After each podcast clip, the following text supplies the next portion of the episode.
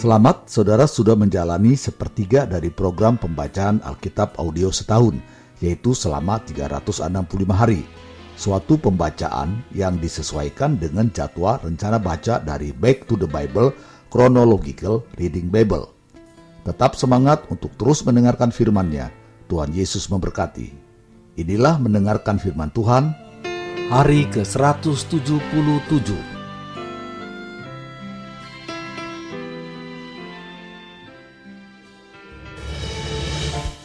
Raja-Raja pasal 15 ayat 25 sampai 32.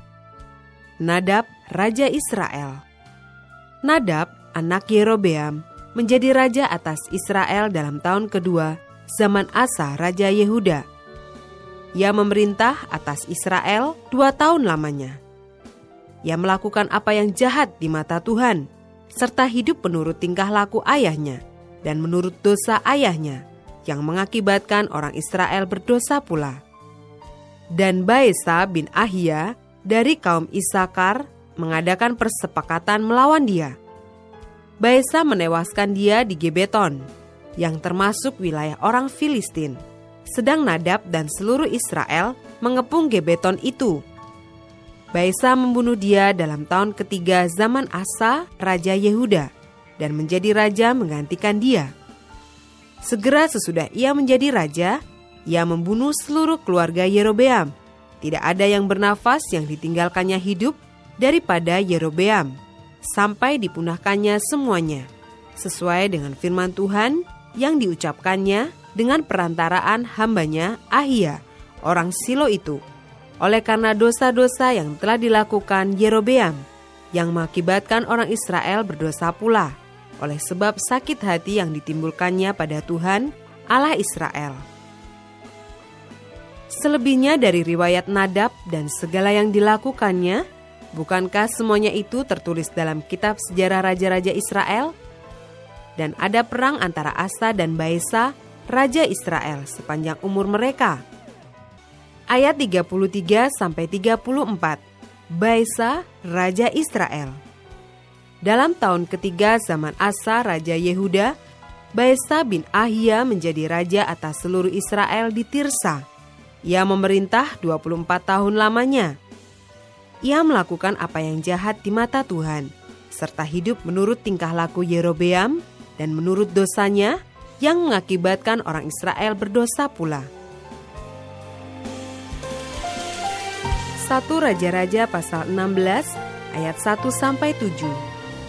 Kemudian datanglah firman Tuhan kepada Yehu bin Hanani melawan Baesa. Bunyinya, oleh karena engkau telah kutinggikan dari debu dan kuangkat menjadi raja atas umatku Israel, tetapi engkau telah hidup seperti Yerobeam dan telah menyuruh umatku Israel berdosa, sehingga mereka menimbulkan sakit hatiku dengan dosa mereka, maka sesungguhnya aku akan menyapu bersih Baesa dan keluarganya, Kemudian aku akan membuat keluargamu seperti keluarga Yerobeam bin Nebat. Siapa yang mati daripada Baesa di kota akan dimakan anjing, dan yang mati daripadanya di padang akan dimakan burung yang di udara. Selebihnya dari riwayat Baesa dan apa yang dilakukannya dan kepahlawanannya, bukankah semuanya itu tertulis dalam kitab sejarah raja-raja Israel? Kemudian Baesa mendapat perhentian bersama-sama dengan nenek moyangnya, dan ia dikuburkan di Tirsa. Maka Ela anaknya menjadi raja menggantikan dia. Juga dengan perantaraan Nabi Yehu bin Hanani, firman Tuhan telah datang melawan Baesa dan melawan keluarganya, baik karena segala yang jahat yang telah dilakukannya di mata Tuhan, sehingga ia menimbulkan sakit hati Tuhan dengan perbuatan tangannya dan dengan demikian menjadi sama seperti keluarga Yerobeam, maupun oleh karena ia telah membunuh Yerobeam. Ayat 8 14. Ela, raja Israel. Dalam tahun ke-26 zaman Asa, raja Yehuda, Ela anak Baesa menjadi raja atas Israel di Tirsa. Ia memerintah dua tahun lamanya. Simri pegawainya yang menjadi panglima atas setengah dari pasukan kereta mengadakan persepakatan melawan dia.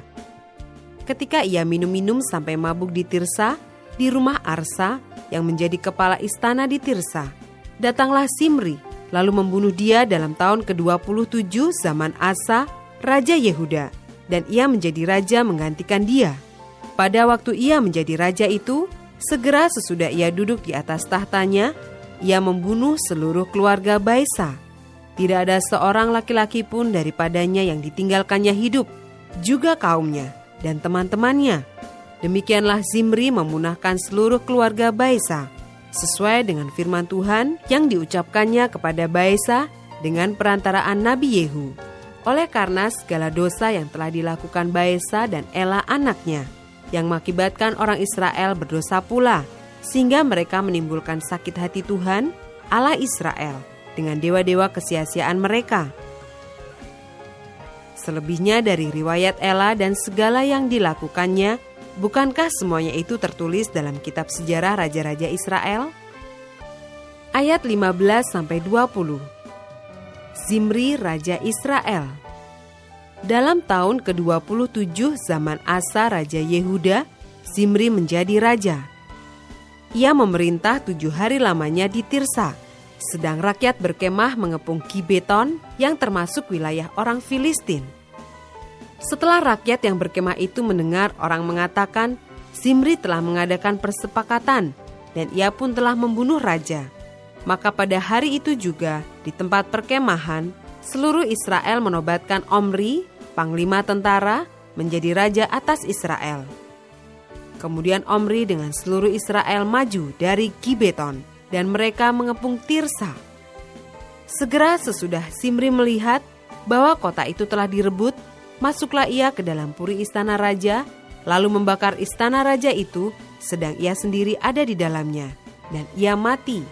Oleh karena dosa-dosa yang telah dilakukannya dengan melakukan apa yang jahat di mata Tuhan, serta hidup menurut tingkah laku Yerobeam, dan menurut dosa Yerobeam yang mengakibatkan orang Israel berdosa pula. Selebihnya dari riwayat Zimri dan persepakatan yang diadakannya, Bukankah semua itu tertulis dalam kitab sejarah raja-raja Israel? Ayat 21 sampai 28. Omri raja Israel. Pada waktu itu, bangsa Israel terbagi dua. Sebagian dari bangsa itu mengikuti Tipni bin Ginat dan bermaksud mengangkat dia menjadi raja, dan sebagian lagi mengikuti Omri tetapi rakyat yang mengikuti Omri lebih kuat daripada rakyat yang mengikuti Tipni bin Ginat. Sesudah Tipni mati, maka Omri menjadi raja. Dalam tahun ke-31 zaman Asa Raja Yehuda, Omri menjadi raja atas Israel, dan ia memerintah 12 tahun lamanya. Di Tirsa, ia memerintah enam tahun lamanya. Kemudian, ia membeli gunung Samaria daripada Semer dengan dua talenta perak. Ia mendirikan suatu kota di gunung itu dan menamainya Samaria, menurut nama Semer, pemilik gunung itu. Omri melakukan apa yang jahat di mata Tuhan, dan ia melakukan kejahatan lebih daripada segala orang yang mendahulunya. Ia hidup menurut segala tingkah laku Yerobeam bin Nebat dan menurut dosa Yerobeam yang mengakibatkan orang Israel berdosa pula sehingga mereka menimbulkan sakit hati Tuhan Allah Israel dengan dewa-dewa kesia-siaan mereka. Selebihnya dari riwayat Omri, apa yang dilakukannya dan kepalawanannya, bukankah semuanya itu tertulis dalam kitab sejarah Raja-Raja Israel? Kemudian, Omri mendapat perhentian bersama-sama dengan nenek moyangnya, dan ia dikuburkan di Samaria. Maka Ahab, anaknya, menjadi raja menggantikan dia ayat 29 sampai 34. Ahab menyembah Baal. Ahab, anak Omri, menjadi raja atas Israel dalam tahun ke-38 zaman Asa, Raja Yehuda. Dan Ahab bin Omri memerintah 22 tahun lamanya atas Israel di Samaria. Ahab bin Omri melakukan apa yang jahat di mata Tuhan lebih daripada semua orang yang mendahulunya Seakan-akan belum cukup ia hidup dalam dosa-dosa Yerobeam bin Nebat. Maka ia mengambil pula Isabel, anak Edbaal, raja orang Sidon, menjadi istrinya. Sehingga ia pergi beribadah kepada Baal dan sujud menyembah kepadanya. Kemudian ia membuat mesbah untuk Baal itu di kuil Baal yang didirikannya di Samaria. Sesudah itu Ahab membuat patung Asyera dan Ahab melanjutkan bertindak demikian sehingga ia menimbulkan sakit hati Tuhan Allah Israel lebih dari semua raja-raja Israel yang mendahulinya. Pada zamannya itu, Hiel, orang Betel, membangun kembali Yeriko dengan membayarkan nyawa Abiram, anaknya yang sulung, ia meletakkan dasar kota itu. Dan dengan membayarkan nyawa Segub, anaknya yang bungsu, ia memasang pintu gerbangnya. Sesuai dengan firman Tuhan yang diucapkannya dengan perantaraan Yosua bin Nun.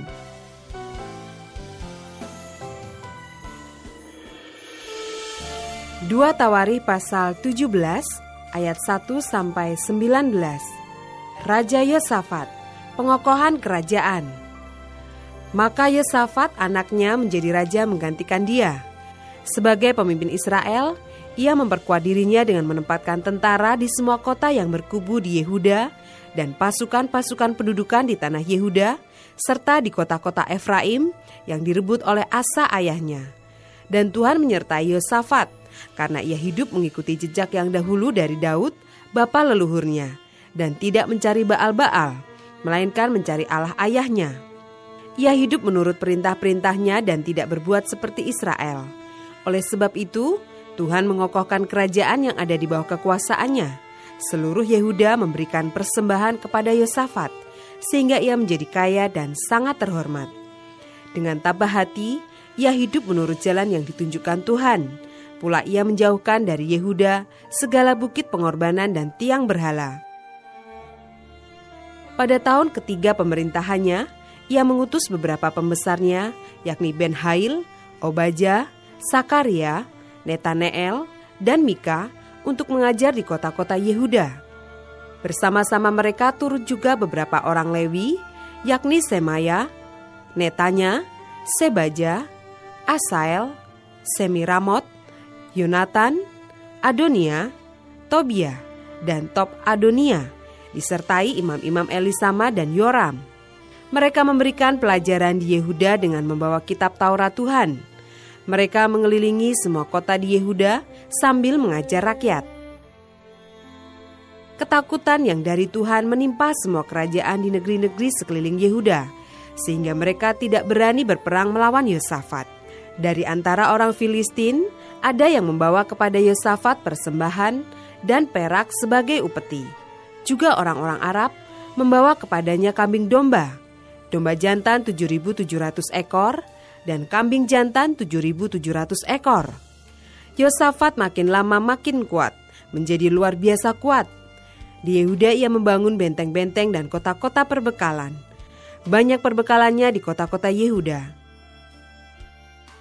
Orang-orang perangnya ada di Yerusalem. Semuanya pahlawan yang gagah perkasa. Inilah daftar kesatuan mereka menurut puak-puak mereka. Panglima-panglima dari Yehuda ialah Panglima Atna dengan 300 ribu pahlawan yang gagah perkasa. Di samping dia Panglima Yohanan dengan 280 ribu orang. Dan di samping dia Amasya bin Sikri yang dengan sukarela telah menyerahkan dirinya kepada Tuhan dengan 200 ribu pahlawan yang gagah perkasa. Dan dari Benyamin ialah Eliada seorang pahlawan yang gagah perkasa dengan 200 ribu orang yang bersenjatakan busur dan perisai. Di samping dia, Yosabat dengan 180 ribu orang yang bersenjata untuk berperang. Mereka itulah yang bertugas pada raja. Selain daripada mereka yang ditempatkan raja di kota-kota yang berkubu di seluruh Yehuda. Tetap semangat, teruskanlah mendengarkan firman Tuhan Sampai jumpa esok hari.